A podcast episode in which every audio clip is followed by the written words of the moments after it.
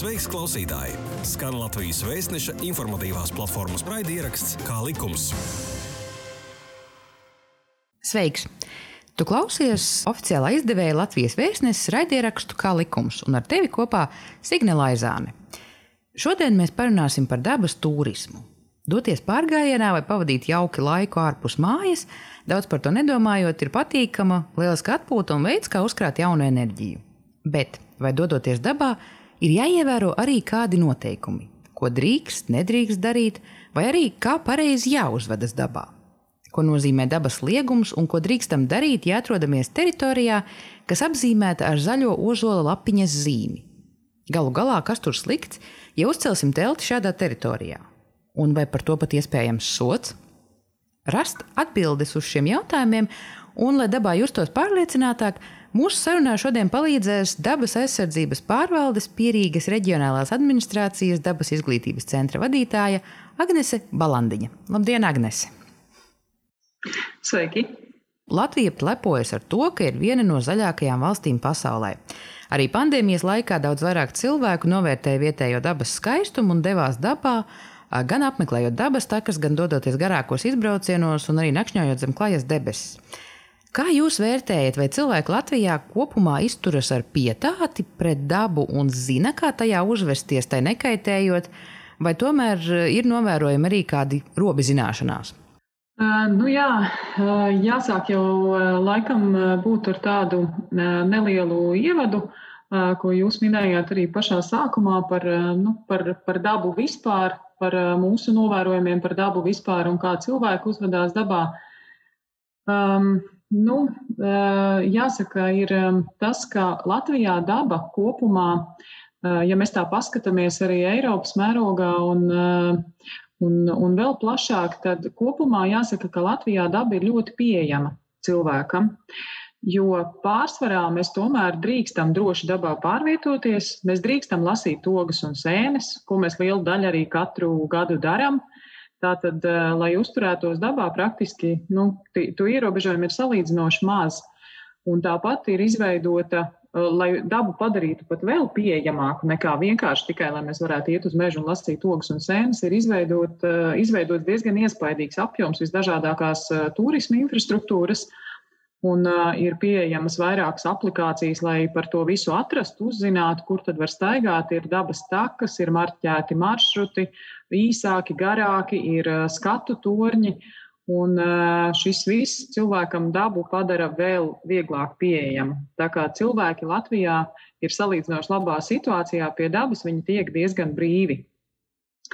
Un, un, un tad, ja mēs tā vēl tā kā piezūmojamies, tad mēs redzam, jā, ka ir šīs aizsargājumās dabas teritorijas un ir, uh, ir viss, kas atrodas ārpus aizsargājumām dabas teritorijām.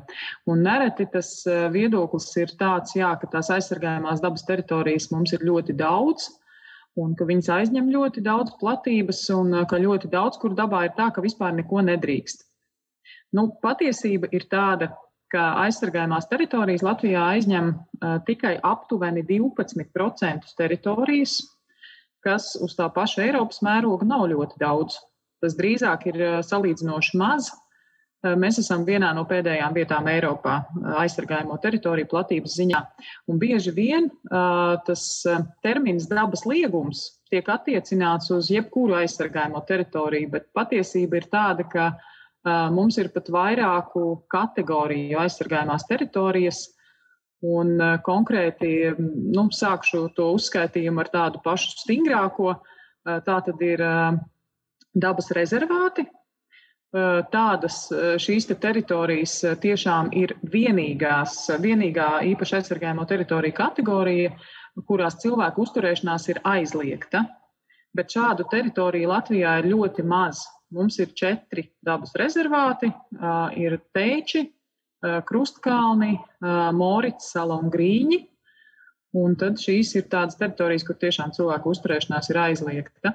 Un tas pats attiecās arī uz lielāku teritoriju rezervāta zonām. Nu, teiksim, nacionālos parkos arī ir zonējums, un, un tad rezervāta zonās cilvēku uzturēšanās ir aizliegta, bet procentuāli šo teritoriju ir ārkārtīgi maz. Tālāk seko dabas liegumi.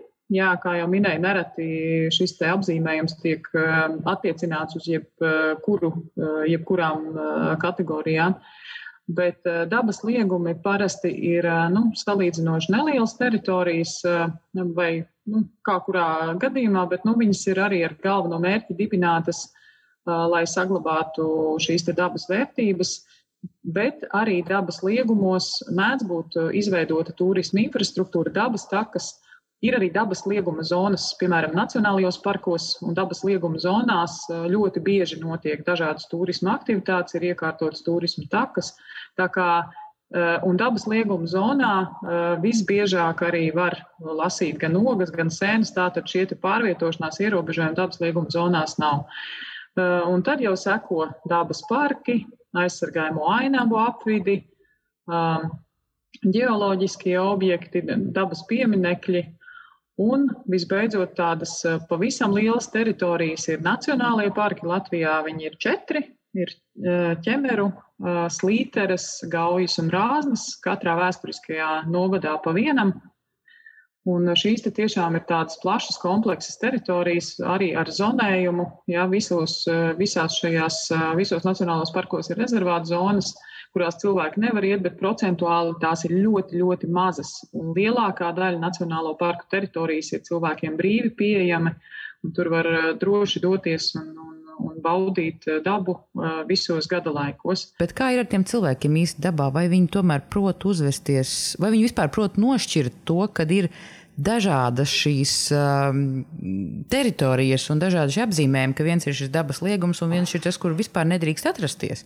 Uh, tie, teiksim, tā ar, tiem, ar, ar cilvēku uzvedību dabā, tie vērojumi ir ārkārtīgi dažādi. Uh, ir cilvēki, kas dodoties dabā, saprot, ka viņi ir atnākuši ciemos, jo ir jāsaprot, ka dodoties dabā, mēs esam ciemos.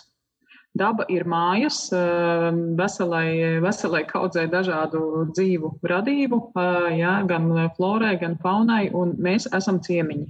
Mēs esam atnākuši ciemos, un mums ir jārespektē mājnieki. Daļa cilvēku ir tāda, kas to tiešām saprot, bet sevišķi pandēmijas laikā arī dabas takās devās cilvēki, kam varbūt tā bija tāda pirmā īstā saskare ar dabu Un, nu, tad, jā, tie novērojumi arī bija tādi, ka nu, ne visi, ne visi zina šos noteikumus un ne visi tam seko. Tādi būtiskākie robi, ko mēs varbūt konstatējām un ko varētu izcelt, ir tie paši zonējuma pārkāpumi. Ja, ka, teiksim, cilvēks nu, nav, nav zinājis, ka viņš nu, vai nu nejauši ir iegājis rezervātu zonā, To gan ir teiksim, diezgan grūti izdarīt, jo rezervāta zonas arī dabā ir apzīmētas.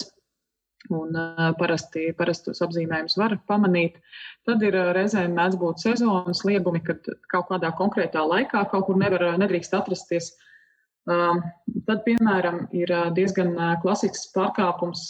Ir pie, pie jūras dabas parkā ir tāds ezers Umis, Un, uh, tur dabas vērtību saglabāšanas dēļ ir noteikts aizliegums peldēties līdz uh, augusta vidum. Nu, tur, tur gan nesaistīti ar covid. Mēs vienkārši regulāri redzam, ka cilvēki šo aizliegumu neievēro. Jo acīm redzot, nav šīs izpratnes, ka peldoties, nu, viņi vienkārši saīsina šī ezera mūžu. Un, nu, tas, ir, tas ir ļoti žēl, jo šādi turpinot, mēs tās dabas vērtības ļoti drīz pazaudēsim. Un, Un tas iemesls, kāpēc cilvēki brauc uz UMI, viņi paši pieliek roku, lai šis iemesls arī aiziet zudībā diezgan pārskatāmā nākotnē. Tad diezgan izplatīts, diezgan izplatīts tāda arī nu, mm, pārkāpums varētu būt ar ugunskuriem un teltīm, ja, ka cilvēki arī nu, kurina ugunskura jebkurā vietā un ceļ telti jebkurā vietā. Un tad ar auto novietošanu, ja, ka, ka teiksim, auto tiek novietots nu, stipri vien nobraucot no ceļa, bojājot zemesēdzi, nu, tie ir tādi, tādi, tādas vairākas, vairākas grupas, kur cilvēkiem nu, ir redzami tie, tie, tie, tie zināšanu robi. Bet nu, par laimi jāsaka, ka drīzāk tas ir nezināšanas dēļ, absolūti lielākā daļa gadījumu ir nezināšanas dēļ.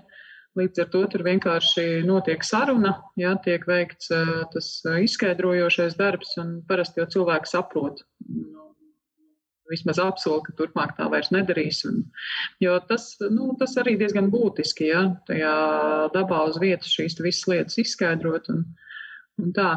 Ir, protams, arī tādi nu, tīri ļaunprātīgi gadījumi, bet tie drīzāk ir izņēmumi un nu, ir salīdzinoši retāk. Drīzāk tā ir nezināšana. Labi, tad šim arī iziesim cauri sarunas gaitā, kur drīkst, kur nedrīkst celt teltis un kā to pareizi darīt, kā pareizi atpūsties dabā. Bet vispirms, kas tad īsti ir dabas liegums? Kāpēc tādi tiek veidoti un kā es kā ceļotājs varu zināt, ka es tādā atrodos? Kas ir tās pazīmes norādes? Nu jā, te mēs atkal atgriežamies, atgriežamies pie tā paša jautājuma, ka ar dabas liegumu mēs ļoti bieži dabas liegums tiek lietots attiecībā uz visām īpaši aizsargājumām dabas teritorijām, kas nav patiesība. Jo šī te nu, īpaši aizsargājamo teritoriju apzīmēšanai ja, tiek lietota ozolapas zīme.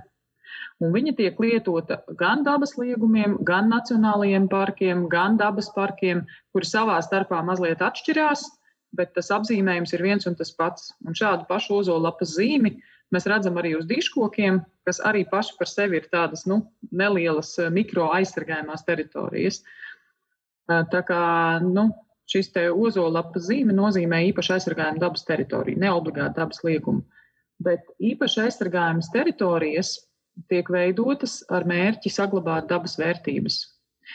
Jo, nu, kā jau minēju, šobrīd, šobrīd īpaši aizsargājumās teritorijas aizņem apmēram 12% no visas Latvijas teritorijas, var teikt, ka šajās teritorijās ir atrodams nu, tas pats vērtīgākais, pats jūtīgākais, pats retākais no dabas un reizēm arī no kultūras, kultūra vēstures viedokļa, kas mums šobrīd Latvijā ir atrodams.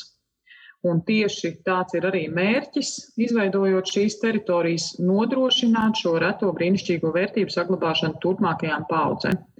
Tieši tāpēc tas tā arī ir. Un, ja mēs paturam šo te prātā šos 12%, tad mēs redzam, ka absolūti lielākajā daļā Latvijas šo ierobežojumu ir mazāk. Ja, un, un līdz ar to, nu, tās, ja mums ir vēlme veikt kādas aktivitātes, kas atstāja mazliet vairāk pēdas ja, un mazliet lielāku negatīvo ietekmi, Patiesībā mums ir diezgan daudz telpas, lai to darītu ārpus īpaši aizsargājumām dabas teritorijām. Jo ir vesela virkne aktivitāšu, kuras mums patīk veikt dabā un kuras neapšaubām ir vajadzīgas. Piemēram, tādas sporta sacensības, ja, viss aktīvais turisms. Protams, ka tas ir nepieciešams cilvēku veselības uzturēšanai. Bet um, jautājums ir, vai teiksim, tādiem lielākiem pasākumiem, uh, Un tieši kas ir vērsti nevis uz dabas izziņu un šo te teritorijas un dabas vērtību iepazīšanu, bet vairāk ar uzsvaru uz sportu, uz aktivitāti. Jautājums ir, vai viņām ir obligāti jānotiek šajos 12%, ja, kas, kas, kas ir šīs īpaši jūtīgās, īpaši vērtīgās teritorijas. Jo šīm teritorijām tomēr tas mērķis ir šo vērtību saglabāšana un viņu izmantošana, lai cilvēkiem viņas parādītu, lai dotu iespēju cilvēkiem viņas iepazīt. Atgriežoties, kā ceļotājs var zināt, ka viņš atrodas kādā īpaši aizsargājumā dabas teritorijā, tātad pirms kaut kur doties ļoti, ļoti labs palīgs būs dabas datu bāze Ozols, ko ir iespējams atrast, dodoties uz dabas aizsardzības pārvaldes mājaslapu www.daba.gov.lv. Un tad, teiksim, var paskatīties, vai tajā plānotajā maršrutā atrodas kāda īpaša aizsargājuma dabas teritorija.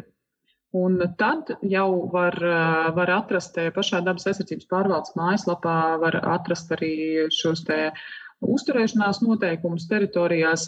Bet gribas vēlreiz uzsvērt, ka, ja ir plānots, piemēram, pārgājiens pa kādu marķētu maršrutu vai dabas taku, kaut ko izdarīt nejauši nepareizi praktiski nav iespējams.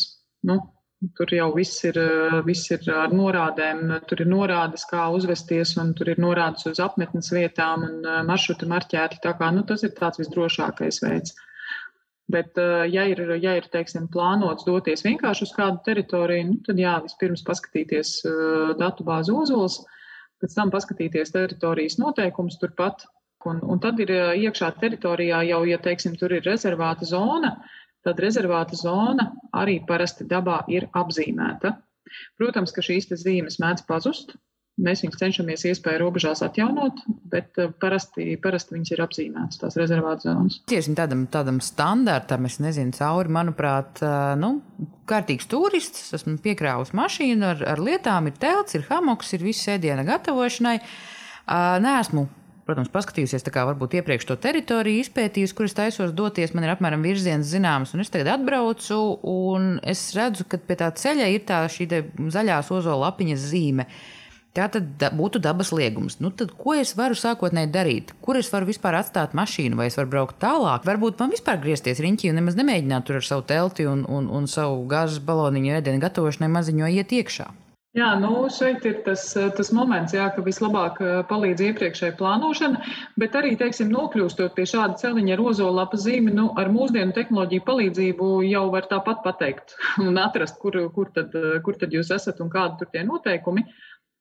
Bet, principā, ozolapiņas zīme pati par sevi jau neaizliedz doties tālāk, kā jau mēs noskaidrojām. Tātad ar auto pa ceļu var turpināt mierīgi braukt, Un, un nu, vienkārši tā automašīnas novietošanai ir jāpievērš uzmanība. Turklāt ne tikai, ne tikai aizsargājumās teritorijās, bet arī ārpus tām. Teiksim, mežā arī nav tā, ka mašīnu var novietot pilnīgi jebkur. Nu, un cik dziļi mētrās gribu, tik braucu. Bet nu, tas ir jāņem vērā vienmēr, bet pa ceļiem ar auto drīkst braukt. arī aizsargājumās teritorijās tas būtu tas pirmais. Bet, nu, ja ir doma par nakšņošanu, tad par nakšņošanu tas galvenais princips ir tāds, ka jā, nakšņošana būtu vislabāk plānojama iekārtotās vietās. Un ko nozīmē iekārtota vieta? Nu, tur ir jābūt nu, tiešām iekārtotai apmetnes vietai ar kaut kādu ja nepārprotamu infrastruktūru, jo tas, ka pirms jums tur kāds ir bijis un kurinājis ugunskura, Tas vēl nenozīmē, ka tā ir apmetnes vieta. Tā var būt stihiska, tāda nu, nelegāla apmetnes vieta. Un, un, un tas pats par sevi var bet nu, tās iekārtotās apmetnes vietas, viņas dabā ir atpazīstamas, un arī aplikācijā, piemēram, tajā pašā aplikācijā dabas turismas, viņas ir atrodamas visas. Līdz ar to nu, tur nevarētu nošaut greizi. Kāpēc teiksim, ir šie te ierobežojumi, kāpēc nevar jebkur celt telti vai, vai kurināt ugunskura? Visu šo ierobežojumu mērķis, gluži tāpat kā šo aizsargājumu teritoriju dibināšanas mērķis, ir vienkārši novērst negatīvas ietekmes. Un uh, parasti ar telti, tomēr, teiksim, ja mēs vienkārši izējām pa dabas taku, um, tad tā ietekme ir salīdzinoši īslaicīga un nu, mazāka. Bet, uh, ja cilvēks iekārto apmetnes vietu, tas tomēr ir saistīts ar tādu nu, ilgāku uzturēšanos konkrētajā vietā, uh, Un tas, protams, atstāja arī lielāku ietekmi. Un parasti ar, ar teltīm ir eh, saistīti arī atkritumi, arī šie paši ugunskura. Nu, tā ietekme vienkārši ir lielāka, tāpēc arī eh, ir, eh, tiek mēģināts šo ietekmi nu, kaut kā lokalizēt. Ja, ka nevis jebkur, bet, bet ir kaut kādas lokālas apsaimniekotas apmetnes vietas, kur šī ietekme tad nu, tās darbības, kas ir ar vislielāko ietekmi, tad viņas paliek tādos konkrētos punktos, nevis ir tā nu, pa visu teritoriju. Tā kā, principā, ja jūs esat atbraucis ar mašīnu, ieraugat uzolapu, turpināt vienkārši braukt pa to ceļu, nonākat apmetnes vietā un paliekat tur, un visi ir laimīgi. Kā ir, piemēram, ar tagad tiem pašiem populārajiem hamokiem un, es nezinu, kokos iekarināmajām teltīm, tas taču arī ir kaut kāds kaitējums, ko mēs varam nodarīt. Nu, tās nav izgulētas sunas vai, vai, vai kaut kāda teritorija tur, tur ap sevi, bet ko tas nodara kokam? Ar tiem hamokiem ir tā, ka to īpaši nekas nereglamentē. Līdz ar to teorētiski, ja jūs esat ar hamoku un uh, jums līdzi ir prīmusiņš, es tieši gribu uzsvērt, ka prīmusi ir ārkārtīgi pozitīva lieta un atbalstāma jo tā ir iespēja bez ugunskura kurināšanas tomēr tikt pie tās, nu, pie tās ārā nakšņošanas sajūtas. Jūs tiekat pie savas karstās tējas kaut kur mežā zem eglītes, bet neskādēju, neatstājot aiz sevis pilnīgi nekādas pēdas. Tādēļ tas, tas, tas prīmus variants ir tiešām ļoti atbalstāms un labs. Jo nu, tur nekāda ierobežojuma. Jūs tēju, jūs prīmus, jūs varat vārīt jebkurā vietā. Un par hamokiem arī līdzīgi, teiksim, nu, nav tāda aizlieguma kaut kur izvietot savu hamoku, bet te ir jāņem vērā joprojām tas zonējums. Teiksim, jūs, jūs joprojām nedrīkstat iet rezervātu zonā. Nu, tas vienkārši ir jāņem vērā. Bet tajās vietās, kur pārvietošanās ir atļauta, Ja, tur, teiksim, nu, no tā hamoka, nu, tur nekāda īpaši ierobežojuma nav. Tas, kas ir jāņem vērā, ka tādi, tādi, nu, tādi mežonīgie pārgājieni labāk būtu plānojami vasaras otrajā pusē un rudenī, Jo jūs, piemēram, pat tajās vietās, kur it kā pārvietoties drīkst, bet nu, jūs esat ārpus dabas tākas kaut kur. Jūs gribat uh, atklāt pats savu maršrutu un, un teiksim, jūs ejat pa dabas lieguma zonu, it kā pat neko nepārkāpjat, bet dodoties šādās te jaunu maršrutu izpētes ekspedīcijās, piemēram, pavasara laikā, jūs varat pilnīgi nezinot uziet virsū kādai reta putnu līgzdai. Jūs to nezināt, jūs to nedarat speciāli. Uh, bet eh, jūs noiet par tuvu garām, piemēram, melnā stārķa ligzdai. Melnajam stārķim ligzdošanas sezona ar to ir beigusies. Viss. Viņš ir ļoti neiecietīgs pret cilvēku, cilvēku klātbūtni, un eh, tad ar to var pietikt nepareizā laikā. Eh, viens gājiens gar, gar, gar, gar, gar šī putnu līgstu var visu viņam līgzdošanas sezonu beigt. Līdz ar to pavasarī šādi ekspedīciju gājieni nebūtu vēlami. Savukārt, nu, pavasarī tad labāk pieturamies pie esošiem ceļiem, pieturamies pie marķētiem maršrutiem, pie dabas takām. Nu, tas klāsts ir ārkārtīgi plašs visos reģionos. Tā kā es domāju, ka ko atklāt ir arī, arī pa, tak, pa marķētām takām. Savukārt šādus te nu, tādus mazliet eh, mežonīgākus gājienus pa vietām, kur pārvietošanās principā ir atļauta, labāk ir plānot vasaras otrā pusē, teiksim, augustā, un, un, un rudenī un ziemā. Ja? Jo tad, teiksim, nu, tā, tā iespēja, ka jūs kādu uh, dzīvu radību iztraucēsiet, ir krietni mazāka. Bet izējot nedaudz ārā, tā kā varbūt no tās meža daļas, ja tā var teikt, uh, uz kāpu zonu un pludmali. Latvija arī ir bagāta ar skaistām pludmalēm. Un kā ir ar dabas turismu pie jūras, telšu celšanu, ugunskura kurināšanu? Vai to drīkst darīt, kur to drīkst darīt? vai nedrīkst? Kāpēc nedrīkst? Mm, jūras piekrastē lielā mērā šīs aktivitātes regulē aizsargjūsu likums, kam pa, pašam par sevi, teiksim, tas, tas, ir, tas nav tas pats likums, kas regulē īpaši aizsargājamo dabas teritoriju darbību. Ja? Tur, teiksim, mazāk sakar tieši ar īpaši aizsargājumām dabas teritorijām, bet ir šis te aizsargjūsu likums, un tas nosaka, uh, ka kāpu zonā telšu celšana un ugunskura kurināšana ir aizliegta. Kāpu zona sākās līdz ar pirmo veģetāciju pludmalē. Ja, Tātad tiklīdz mēs pludmalē redzam kaut kur pirmos augus, kas varbūt dažās vietās, nu tā pludmale Latvijā ir ārkārtīgi atšķirīga, katrā vietā ir mazliet citādāk, bet pie pirmās veģetācijas mēs varam teikt, ka sākās šī te krasta kāpu aizsargjosla un tur nekādas teltis un ugunskurs celt nedrīkst. Tas ir arī ļoti vienkārši, lai aizsargātu kāpas un, un, un, un pludmali, teiksim, nu, sevišķi kāpas, tie vispār ir ļoti, ļoti jūtīgi un ļoti viegli ietekmējams dzīvotnes. Un, lai, lai, lai, lai pasargātu viņas, tāpēc arī šie noteikumi ir izdomāti. Kas attiecās uz pludmales zonu, pludmales zonā ir jāņem vērā, ja tas ir ārpus īpaši aizsargājumām dabas teritorijām, tad ir jāskatās pašvaldību noteikumi, ko tie saka par eh, teltīm un ugunskuriem pludmales zonā, tātad līdz pirmajai veģetācijai. Un, ja tas ir īpaši aizsargājumās dabas teritorijās, nu, tad, tad nē, tad telts un ugunskurs eh, tā kā nē. Bet, teiksim, ja jūs ar savu guļamaisu vienkārši apguļaties liedegā, nu, darat tā. To var darīt, bet, eh, bet nu, arī, arī tagad ir ļoti populāri šie jūrtaks pārgājieni. Ir izveidot šis garo pārgājienu maršruts jūrtaka, un eh, arī eh, sevišķi Covid laikā viņš paliek aizvien populārāks. Un cilvēki iet gar jūru, jo viņiem ir skaidri iezīmēti tur maršruta sākuma un beigu posmi, un līdz ar to tas ir vieglāk arī cilvēkiem, kuriem pašiem nepatīk plānot.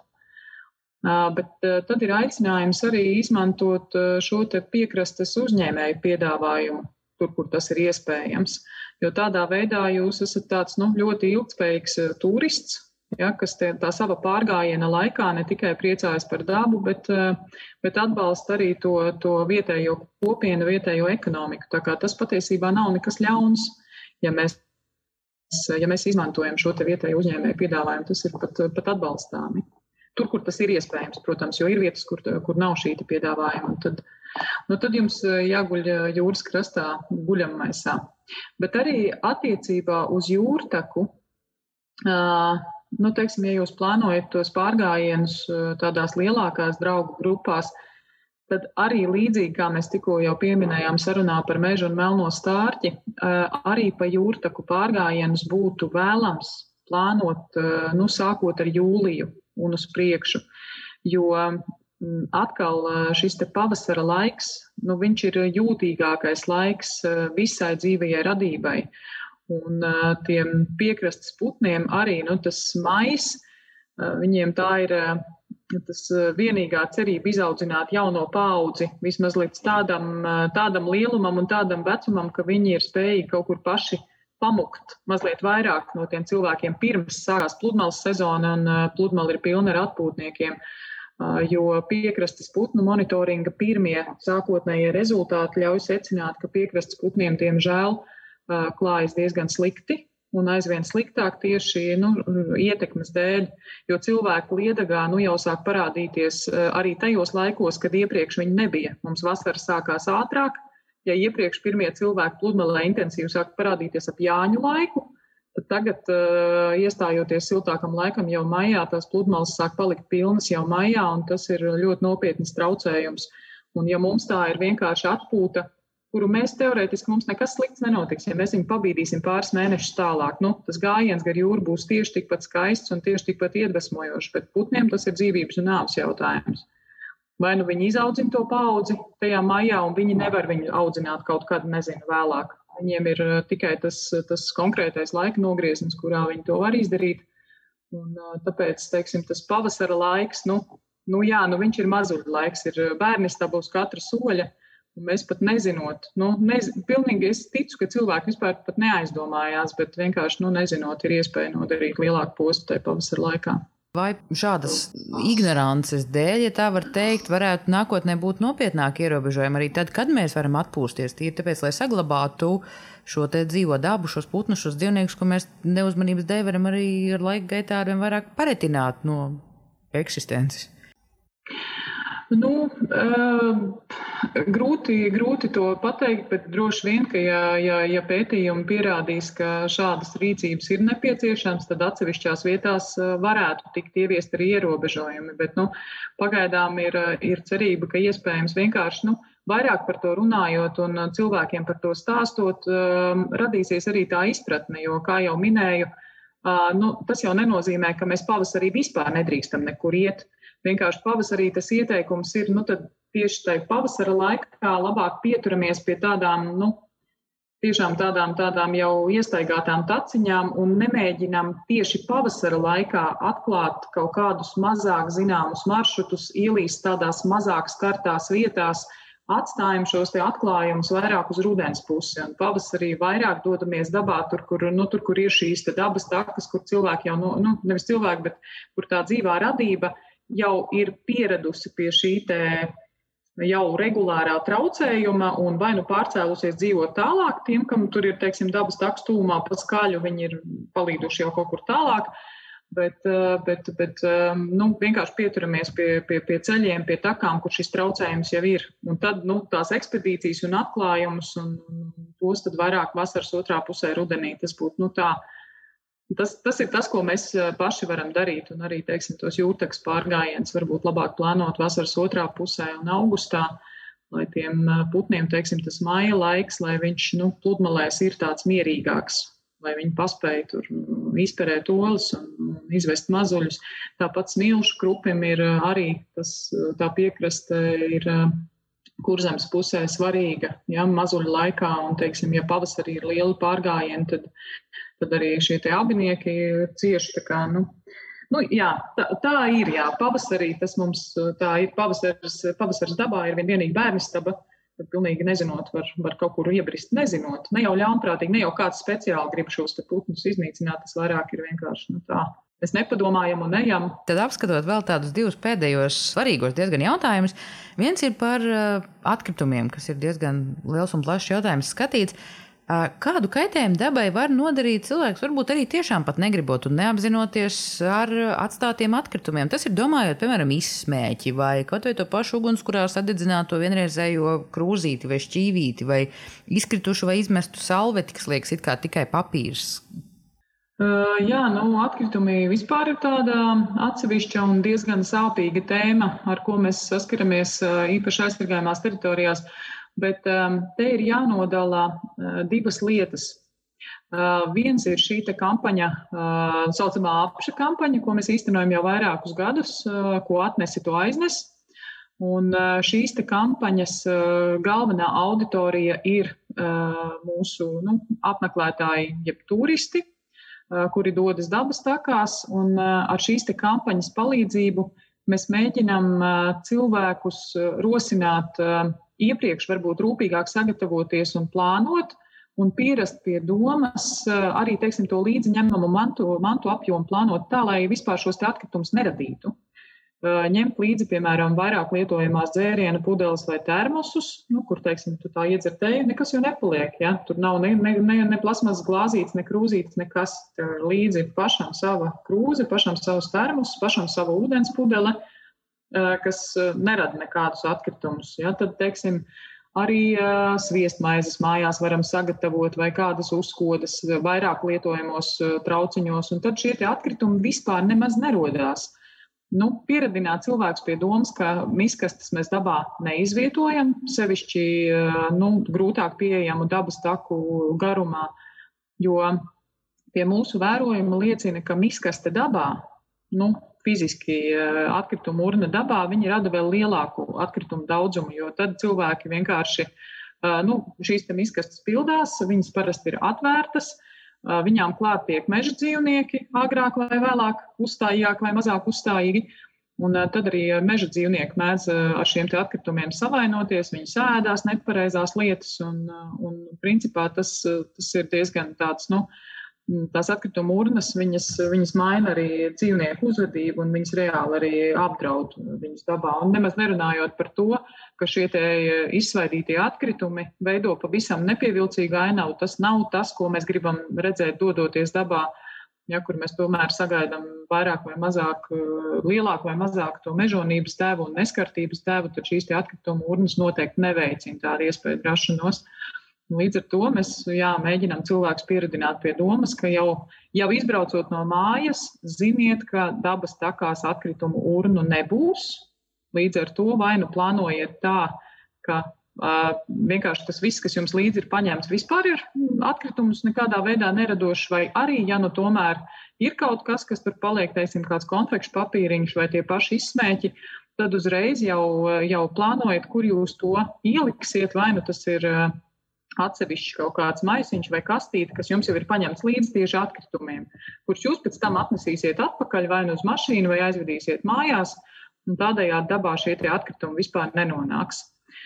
Tā ir tāda viena lieta, un uh, otra lieta, kam nav vairs saistības ar šo kampaņu, diemžēl vēl aizvien ir mežos, uh, nu, tur, kur var piekļūt klāt ar mašīnu, uh, ir šīs te, nu, tādas mini nelegālās atkrituma izgāstuves. Var redzēt, ka tur cilvēki vienkārši ved sadzīves atkritumus no mājām. Un tā ir mazliet cita lieta. Tā izgaismo tādas nu, atkrituma apsaimniekošanas problēmas pašvaldībās. Un, nu, diemžēl mēs ar to saskaramies ļoti bieži joprojām, ja, ka cilvēki vienkārši aizved atkritumus uz mežu un tur viņus izgāž. Bet tie nav, tie visticamāk nav tā, ko apmeklētāji. Tā ir, es jau minēju, tā ir tāda vairāk ar sadarbībā ar pašvaldībām risinām problēma. Bet no nu, atkritumi dabā ir atkritumi dabā, ja viņi nonāk gan, gan, gan zemesadzē, gan, gan, gan dzīvniekiem, viņi ir bīstami. Nu.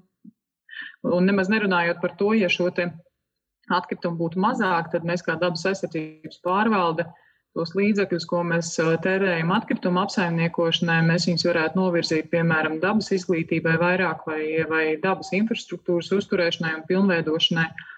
Tā kā, nu, jā, savācoties sevis atkritumus, mēs paši radām tādas iespējas uzlabot to infrastruktūru, pa ko mēs tur staigājam un par ko mēs priecājamies. Nu jā, noteikumu un ieteikumu, ko ievērot, patiesībā ir ļoti daudz, dodoties dabā. Tad varbūt pēdējais, ko es gribētu pajautāt, kas ir tas brīdis, kas ir tās lietas, ko izdarot, var saņemt reālu sodu naudas izteiksmē? Uh, Principā reālus sodus var saņemt par, par praktiski visiem tiem manis pieminētajiem pārkāpumiem, teiksim, ja ir ugunskurs neatļautā vietā. Jo ar ugunskuriem vispār ir nu, arī ārpus īpaši aizsargājumām teritorijām ir šis ugunsbīstamais periods, kas parasti sākas jau aprīlī un ilgst līdz rudenim, kad ugunskurs vispār nevar kurināt, izņemot īpaši ierīkotas vietas.